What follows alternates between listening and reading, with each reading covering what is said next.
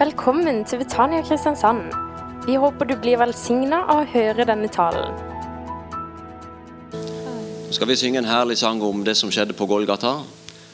Og huske på at uh, han som hang der, han Jeg vet ikke hvordan du har det når du uh, opplever vanskeligheter, men vi blir veldig sjølopptatte. Vi synes synd på oss sjøl ofte, og alt dreier seg om vår situasjon, liksom. Tenk på Jesus når han hang på Golgata. Nå sier denne sangen på den måten For han så meg. Altså Da Jesus hang på korset, da tenkte han på meg. Det er å snu det. Han er helt unik, denne Jesus.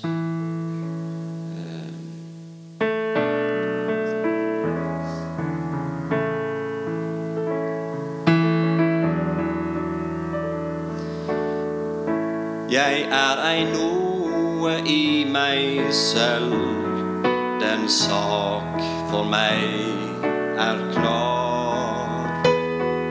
Jeg feiler kan og snubler her, på alt jeg har ei svar.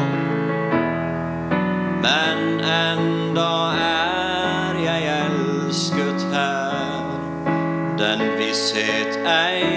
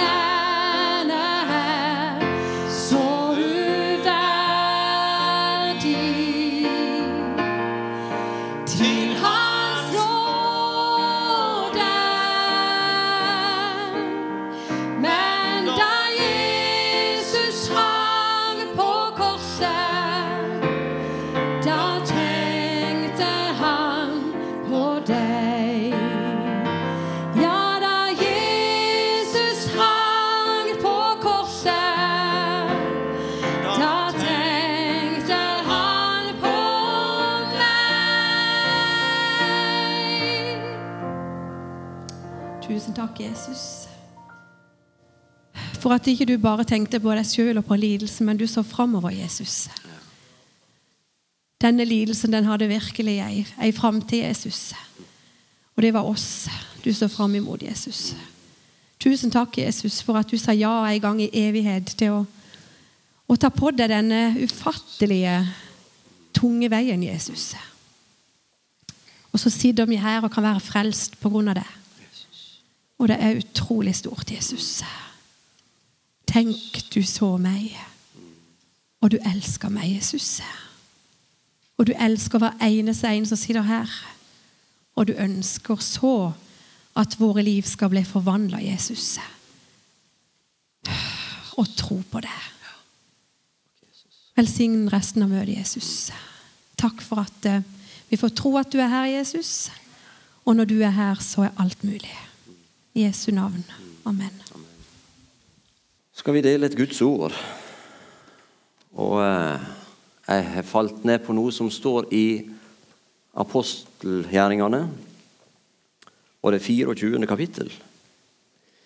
Og Da vil jeg lese vers 15 og 16. Eh, når vi leser i dette kapittelet og andre kapittel like rundt her, så er vi midt inne i en bestemt situasjon. Paulus han har litt tidligere vært i Jerusalem.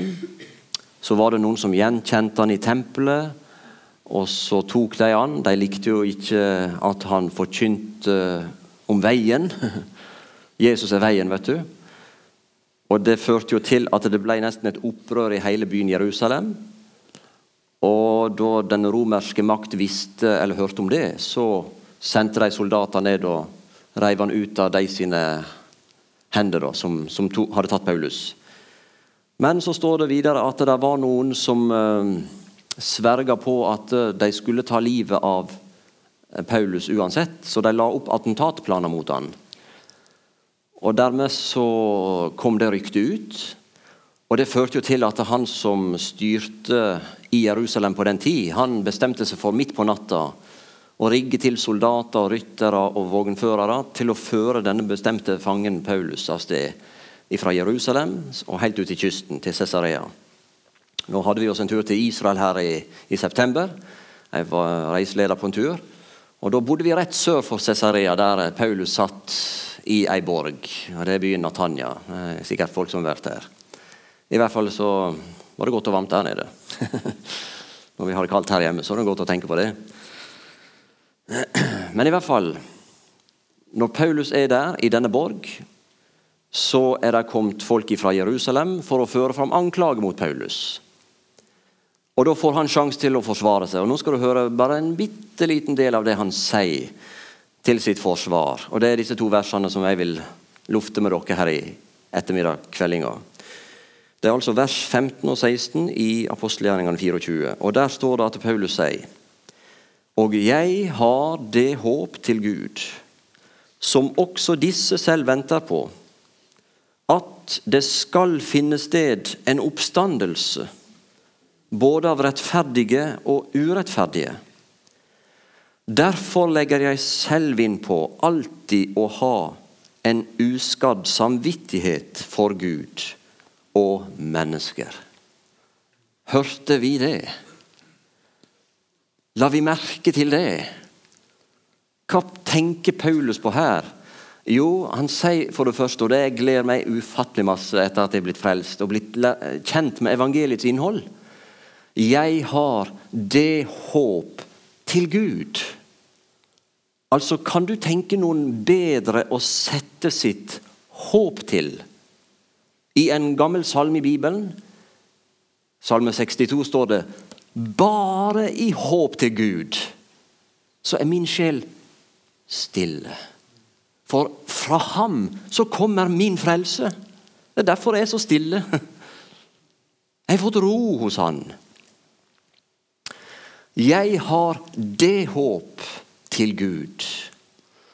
Av og til når jeg leser Bibelen, så tenker jeg liksom en norske måte å tenke på. Hva håper du for framtida, liksom? Jeg håper det blir bedre vær i morgen, kanskje du håper på.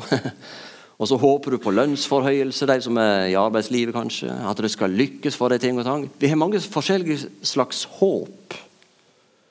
Men det håpet vi blir kjent med her når vi leser disse vers, det er håp av en helt bestemt karakter. Jeg har det håp til Gud, står han og vitner for en flokk av folk som er der og anklager han. Jeg har det håp til Gud, som også disse venter på, at det skal finne sted. Hørte du så sikkert han sa det? Det er ikke noe Jeg håper det går greit litt lenger framme her. Det skal finne sted. Hva er det som skal finne sted? Det skal finne sted en oppstandelse av rettferdige og av urettferdige. Så vi legger merke til når vi leser slike vers i, i Bibelen Det som har med det bibelske håp å gjøre, det er knytta opp imot oppstandelse. Er vi med? Ja. Så det å ha håp til Gud, det er å ha en sikker forventning til noe som skal skje. Ja, men Hvis det kommer noe i veien da liksom, og skal forhindre dette Du, det skal skje. Det er ikke noe som kan hindre det, med andre ord. Åh, Vet du hva det norske folk trenger? De trenger noe sikkert og noe trygt. Og vet du hva han som står her trenger? Jeg trenger noe som er sikkert og noe som er trygt. Og så har Bibelen gitt oss det. Gud har gitt oss det. Og han har knytta hele sitt håp opp til én person. Vi sang om han her i kveld. Hans navn er Jesus. Han er vårt håp. Du vet, Peter han blir så begeistra når han skriver brev, at han, han slår ut i en lovsang, han òg. Og Han sier det slik i sitt første brev i det første kapittel og tredje vers. Lovet være Gud, sier han. Vår Herre Jesu Kristi Far. Han som etter sin store miskunn har gjenfødt oss til et levende håp. Ved Jesu Kristi oppstandelse ifra de døde. Er det noe som kan skilte med noe bedre enn det, tenker jeg? Det finnes ingen lik Jesus. Tenk, han har gjenfødt oss til et levende håp. Hvem er vårt håp? Jo, han som ble oppreist ifra de døde. Han er jo ikke død. Du, Det med Jesus det har med en som var død, men se, han er levende i all evighet. Han er seira over døden. Han har lagt døden bak seg som, som noe tilbakelagt. Hvem av oss kan si det? Han kan si det. For han ga sitt liv. Og når han hadde gitt det, så tok han det tilbake igjen. For han hadde fått den makta ifra sin far. Hvor masse makt har du og jeg egentlig? Den er svært begrensa, og jeg håper vi innser det. Slik at det fra dag til dag, og merker at pulsen slår, så kan vi takke Jesus for det. Det er jo han som holder oss i live. Min makt er jo så begrensa. Av og til så skal vi vise oss, vet du, og vi tror vi er så veldig.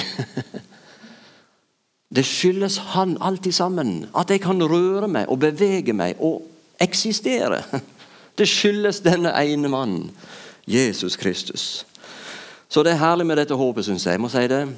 Du husker kanskje at eh, disiplene til Jesus de tenkte når de så Jesus bli hengt på Golgatas kors Da var jo håpet deres ute. Det står nemlig at tre dager etter korsfestelsen så var det to av disiplene som var på vei fra Jerusalem ned til en by som heter Emmaus. Og Så gikk de der og, og samtalte om det som hadde skjedd.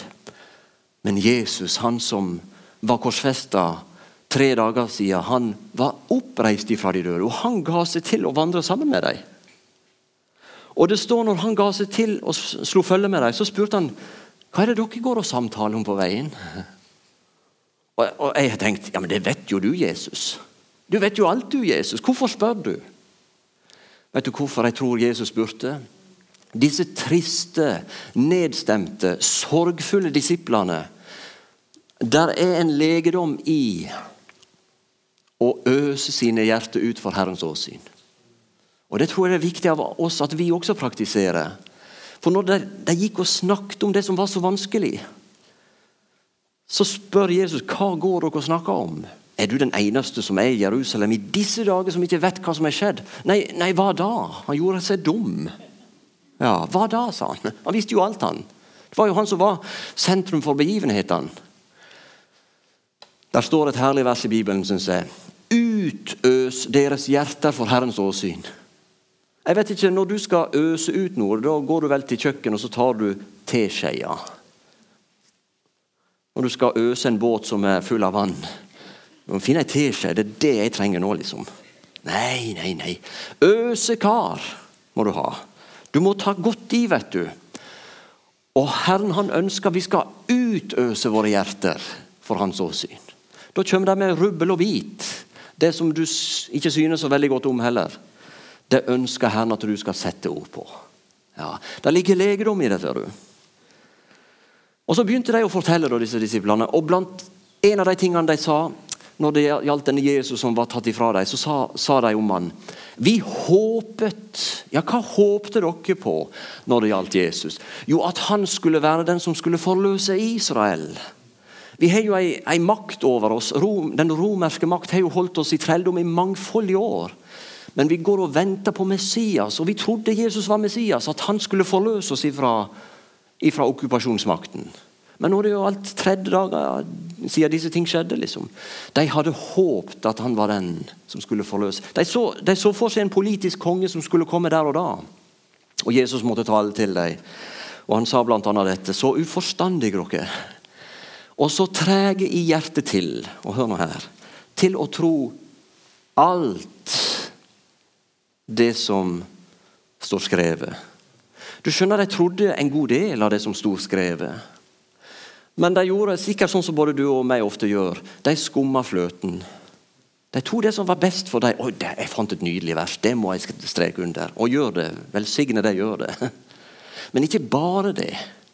Du må ta med alt for å få bildet til å bli riktig. sant vel? Og så sier han Måtte ikke Messias lide dette, og så gå inn til sin herlighet? Altså, Dere er jo bare opptatt med herligheten, men Messias måtte jo lide først. Ja, men Det har jeg hoppa bukk over, for det er så trist å lese om det.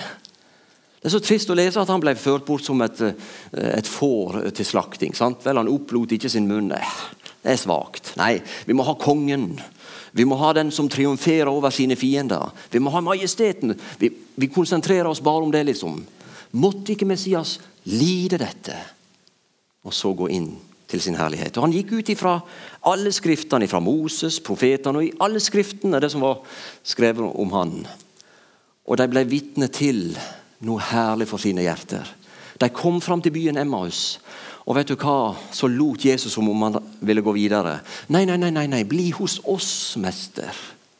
Og når Jesus får tale til hjertene, folkens, da blir det sånn at vi ønsker ikke at han skal ta pause.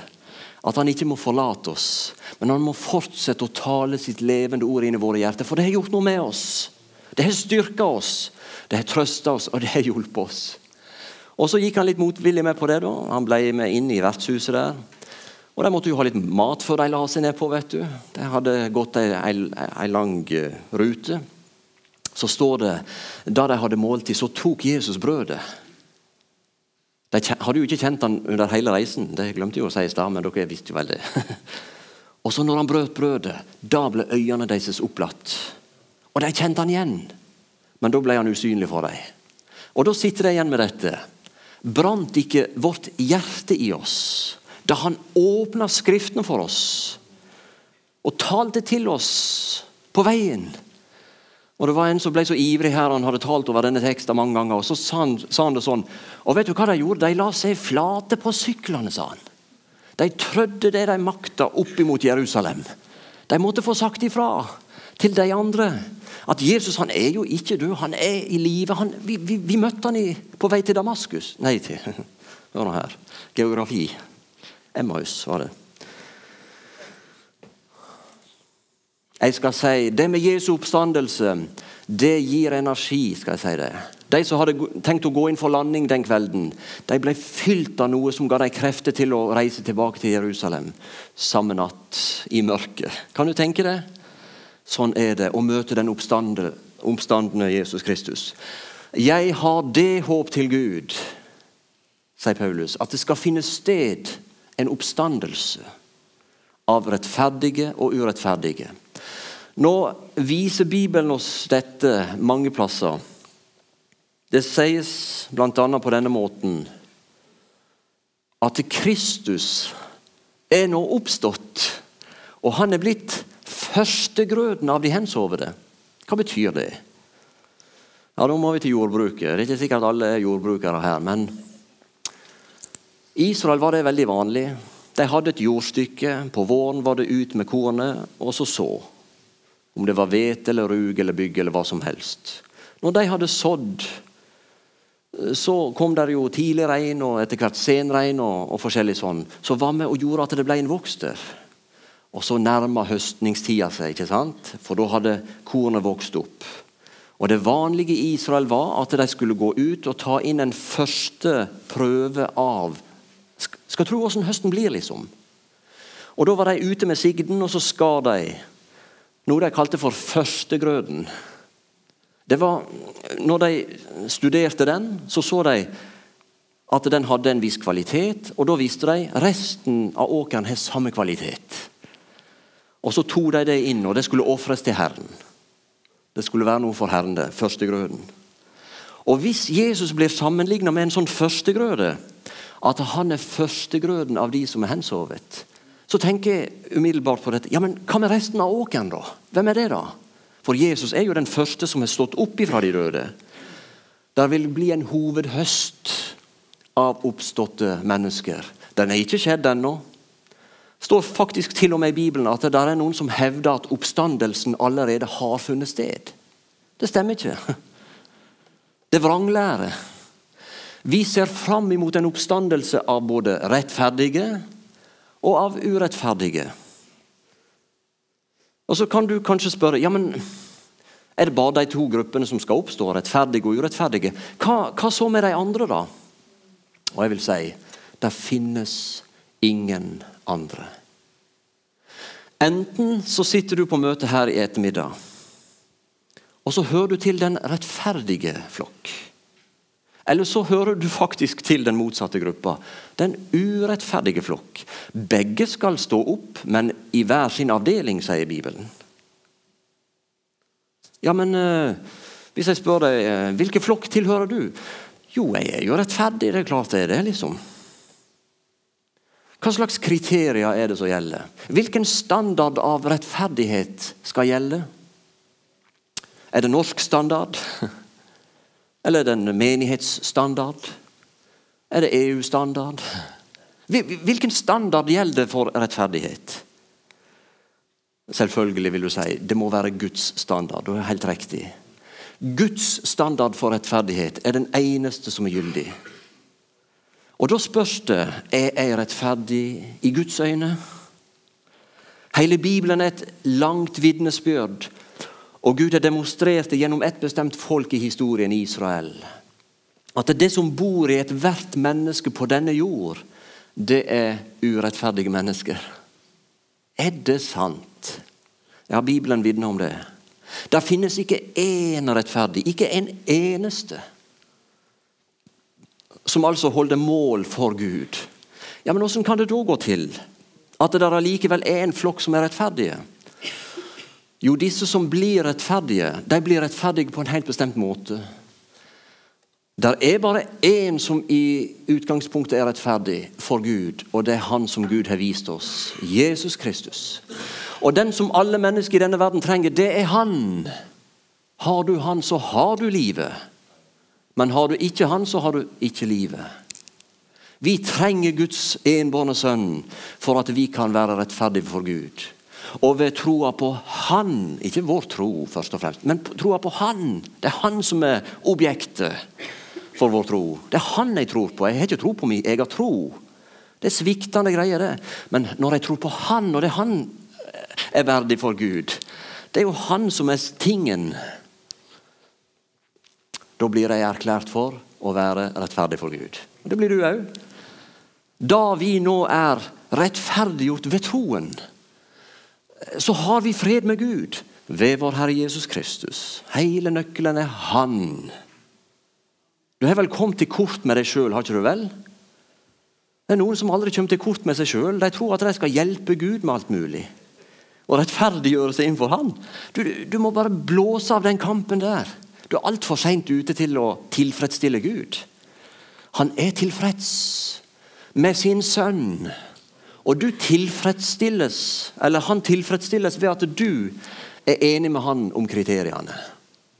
Det er den standarden for rettferdighet som gjelder. Jesus han sto og sa til sine disipler en dag Bare pass på klokka. Hvis ikke deres rettferdighet overgår de skriftlærde og fariseernes rettferdighet, kommer dere aldri inn i, i himlenes rike, sa han. Kan det tydeligere sies? Dette var flotte, fromme folk. De la vekt på ytre ting som lova enten krevde eller forbød å gjøre. Og så skrytte de av at de klarte å få dette til. Det var de som småte å se det på. Men Derfor så kalte han dem for kalka graver en gang. Vet du hva en kalka grav er? Den er veldig fin å se på utvendig, for hun er så fin og lys. Men ei grav inneholder stinkende, råtnende, ødeleggende død. Og slik sa Jesus om slike, som rettferdiggjorde seg sjøl og trodde de var bedre enn andre. De stolte på sine gjerninger innenfor Gud. At de var fromme, at de var greie og gode. Du, Det holder ikke for Gud. Det som holder for Gud, er det Jesus har gjort. Det er vidunderlig. Ja vel. Paulus sier en annen plass vi roser oss av håp om Guds herlighet. Og Så sier han det også i Romerbrevet 8. I håpet er vi frelst, sier han. Men et håp som en kan se, ja, det er jo ikke noe håp, sier han. Hvorfor skal jeg håpe på det jeg allerede ser? Altså Hvis dere som sitter her i ettermiddagskveldinga er mitt håp, så er ikke dere noe håp for meg. For uh, hvorfor skal jeg håpe på noe jeg ser? Jeg driver jo og ser på dere her. Men hvis jeg lengter til det som jeg ikke ser, da lengter jeg etter det med, med tålmodighet. I håpet så er vi frelst. Håpet handler om det som skal skje lenger fram i tid. Nemlig at han skal komme og vekke opp de som er døde i troa på, på, han. Det er det første som skal skje. Det var ei gammel dame som gikk på kjerkegården en dag. Og Så traff hun noen andre som var ute og stelte gravene, som hun også hadde vært med på. Og Så ga hun seg prat med dem, og så sa hun til dem ja, ja, sa hun, her, her vi befinner oss nå, på denne kjerkegården, her, her skal det bli liv, sa hun. Her skal det bli liv. Og de stussa. vet du, Skal det bli liv her? Å, så uhyggelig, liksom. På en kjerkegård. Ja, her skal det bli liv, sa hun. Hvordan kunne hun si det? Hun kunne si det fordi Jesus hadde sagt det. Den time kommer da gravene skal åpne seg, sa han. Og de døde skal komme ut av gravene. Noen til livets oppstandelse, og noen til dommens oppstandelse. Det skal finne sted en oppstandelse av rettferdige og av urettferdige. Sant? Jeg ser så fram til dette. For selv om jeg har fått Den hellige ånd nå som en førstegrøde, som en første del av arven min Jeg har fått litt av arven, Den hellige ånd. Men jeg skal innta en stadig større fylde av arven etter hvert. Og Paulus han sier det slik, så triumferer han i Romerbrevet 8, 23. Eh, også vi som har fått Ånden som førstegrøde, også vi sukker med oss selv. Mens vi lengter etter vårt barnekår. Hva er det for noe greier? Vårt legemes forløsning.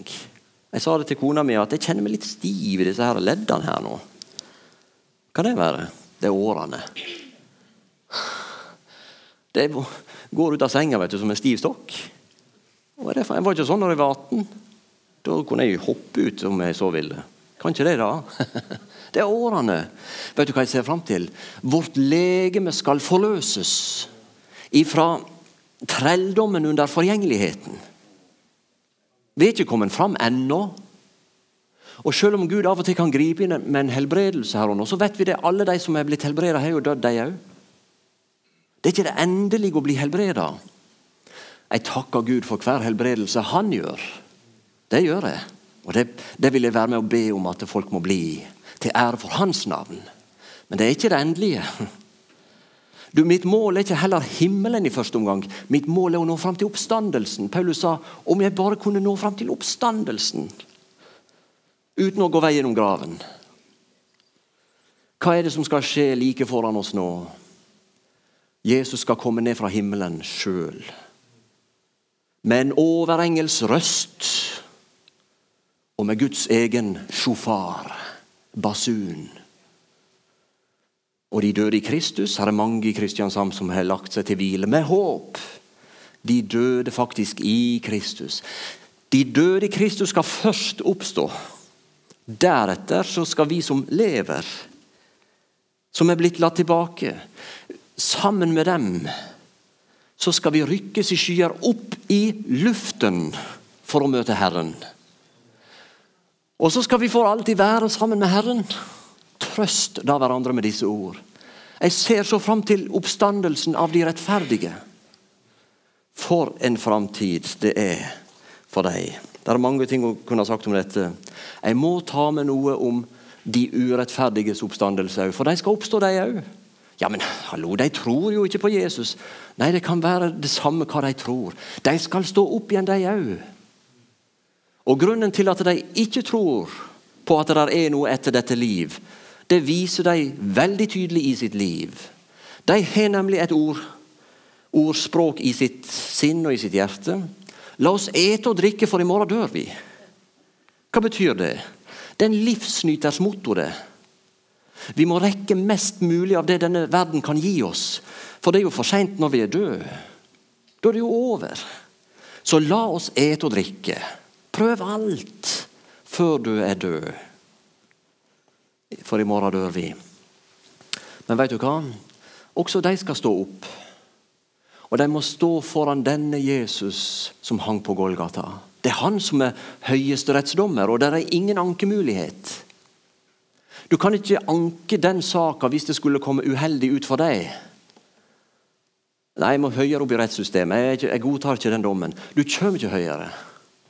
Du er nødt til å akseptere den. Og nå vil jeg lese det alvorlige som kommer til å skje med de urettferdige.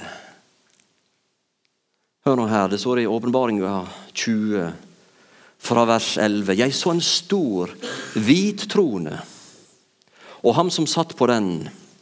For hans åsyn vek jorden og himmelen bort, og det ble ikke funnet sted for dem. Og jeg så, hør nå her, jeg så de døde, små og store, stå for Gud. Hvorfor sto de for Gud? De ble vekka opp igjen til liv. For like som alle dør i Adam, slik skal alle bli gjort levende i Kristus, men hver i sin egen avdeling. Her den siste avdeling. Og bøker ble åpnet, og en annen bok ble åpnet, som er livets bok. Og de døde ble dømt etter det som står skrevet i bøkene, etter sine gjerninger. Havet ga tilbake de døde som var i dem. Kan du tenke deg alle som er omkommet på sjøen? Havet ga tilbake de døde som var i dem. Og døden og dødsriket ga tilbake de døde som var i dem. Og de ble dømt, hver etter sine gjerninger. Og døden og dødsriket ble kastet i ildsjøen. Dette er den annen død, ildsjøen. Og hør Og hvis noen ikke ble funnet Det ordet 'funnet' syns jeg er veldig viktig å ta med seg her. Det blir altså kontrollert og gjennomgått med en presisjon, slik at ingen tilfeldighet rår. Og hvis noen ikke ble funnet Det blir leita etter navnene til den enkelte. Og hvis noen ikke ble funnet innskrevet i livets bok, ble han kastet i ildsjøen. Det ble sunget en sang her tidligere av ja, av de som var først ute i dag, om det som skjedde på Golgata. At han lei en forferdelig død på Golgata. Det gjorde Jesus. Den fysiske smerten var uutholdelig, for korsfestelse er den grusomste måte å dø på. Men i tillegg til den måten å dø på, så opplevde Jesus ildsjøen på Golgata. Et helvete på Golgata opplevde han. Evig fortapelse opplevde han på Golgata. For vekten av all verdens synd hvilte på hans skuldre, og han måtte sone straffen ut i sitt eget liv på Golgata. Det er derfor jeg bøyer meg ydmykt ned og tilber denne, han som ble slaktet og med sitt blod kjøpte oss til Gud ifra hver stamme, folk og nasjoner. Og nå har vi blitt til en skare som skal prise han for evighet. Tenk det! Jeg får være med på dette. Du, han er verdt både å lytte til det, det ene og bøye seg for. Du, det er så viktig at folk får rede på at de må bli frelst. Frelse skal ikke være et sånn alternativ. Frelse er en nødvendighet. Sant? Så skal liksom menigheten ut med et alternativ mellom alle andre alternativer. Nei, frelse er en nødvendighet, folkens. Sant? Ja vel, nå skal jeg gå inn for landing. Paulus han var i denne borga, og en dag så talte han til denne Felix, som drev og forhørte han. Og Han tok med seg kona si, han Felix. Og De ville gjerne høre Paulus vitne om eh, ja, livet med Jesus og dette her, og det fikk de høre, og de satt og hørte på. Men så begynte Paulus å tale om rettferdighet, om avhold og den kommende dom. Men da brøt han han av. Du, nå er det nok. Ikke snakk mer om dette. Vi vil heller høre deg en annen gang, når det passer bedre. Hva var det som skjedde? Så begynte det å stikke her inne, i samvittigheten. Og jeg tror det at Samvittigheten er et instrument som Gud bruker også i dag. Hvorfor var det viktig, eller hvorfor så Paulus så fram til oppstandelsen? Og, Hvordan responderte han på det? Jo, derfor har jeg lagt vind på å ha ei uskadd samvittighet overfor både Gud og for mennesker. Jeg skal møte tingene igjen. Jesus vil spørre meg, du Vidar, du var oppe i den og den situasjonen der. Hvorfor løy du da? Du skulle sagt det som det var. Og så må jeg kanskje skamme meg foran min Jesus. For at jeg, jeg valgte minste motstandsvei for min egen del. Jeg vil møte det igjen. Jeg skal avslutte med en ting. Der, der er forskjell på de frelste, de rettferdige og de urettferdige. Vi skal ikke framfor en fordømmelsesdomstol. Det skal de urettferdige. Det er derfor det er så viktig dette, at vi blir klar over det. Jesus han sa det så hele folket hørte på. Den som hører mitt ord og tror ham som har sendt meg, han har Hva har han for noe? Han har evig liv. Han har det. Ja, men Jeg er jo blant de som har hørt Jesus. Jeg har hørt hans ord. Og jeg har trodd den Gud som sendte han òg. Så sier Jesus han har evig liv. Han kommer ikke til dom, men han er gått over ifra døden og til livet. Og jeg vil si det til oss alle sammen. Er du usikker på skal tro om jeg er rettferdig for Gud? Ja, Da vil jeg spørre har du hørt etter det Jesus har talt i sitt ord? Ja, jeg gjør jo forsøk på det. Tror du at han er sendt av Gud sin far i himmelen? Ja, jeg har ikke noen grunn til å tro noe annet. Hvis du setter din lit til at det holder for Gud, så holder det for deg òg. Og det vil holde for tid og for evighet. Og du har evig liv. Og Gud ønsker å knytte deg opp til sitt eget ord. Slik at ikke du står og stoler på egne følelser og ditt eget gode, fromme liv. Og dessuten er jeg født inn i en god familie og slekt og bla, bla, bla. Dessuten er jeg vært med i menighetsmusikken i så og så mange år. Nei, det går ikke på de grunnene i det hele tatt. Men det går på det som er godkjent av Gud. Jesus er godkjent av Gud. Har du godkjent han for din egen del, så begynner samfunnet ditt med Gud. Jeg har håp om at det skal finne sted en oppstandelse. Snart forvandles vi, folkens, når Jesus skal komme. Og den som sitter i rullestol, skal slippe det lenger. Ja. De som er blinde, skal slippe det lenger. De som er frelst. Da skal vi inn der inne. Og vi får nye legemer som er udødelige, som ikke kan synde. Som ikke tenker et skeivt ord eller tenker en skeiv tanke og tenker et vondt ord. Sier et vondt ord. Nei, framtid, det er framtid og håp for den som er frelst. Jeg vil gi dere framtid og håp. Dere er gode til å tale til.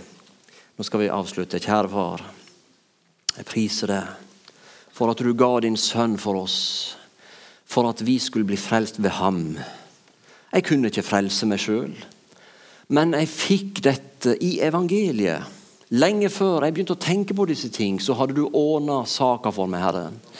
Takk, Jesus, at det der er blitt formidla håp. Der er blitt formidla både liv og uforgjengelighet i lyset av evangeliet. Takk, Jesus, for at jeg kan fylle meg med dette budskapet fra ditt ord, evangeliet. Og jeg kjenner at det, det gjør noe, noe med meg. Hjelp meg til å være en lydig både tjener og venn for deg, Herre Jesus. Du som vil betro oss tingene fra ditt ord. Du vil åpenbare det mer og mer og gjøre det mer og mer relevant og virkelig for oss ifra ditt ord. Knytt, knytt mitt hjerte opp imot deg, Jesus, enda mer. Og Jeg ber om for denne menigheten også at de virkelig kan kjenne det at du vil tale til den enkelte. Og flere blir vunnet for deg, Jesus. Det ber jeg om i Jesu navn. Amen. Du har nå hørt en tale fra Betania Kristiansand. For mer informasjon kan du besøke våre hjemmesider på betaniakrs.no.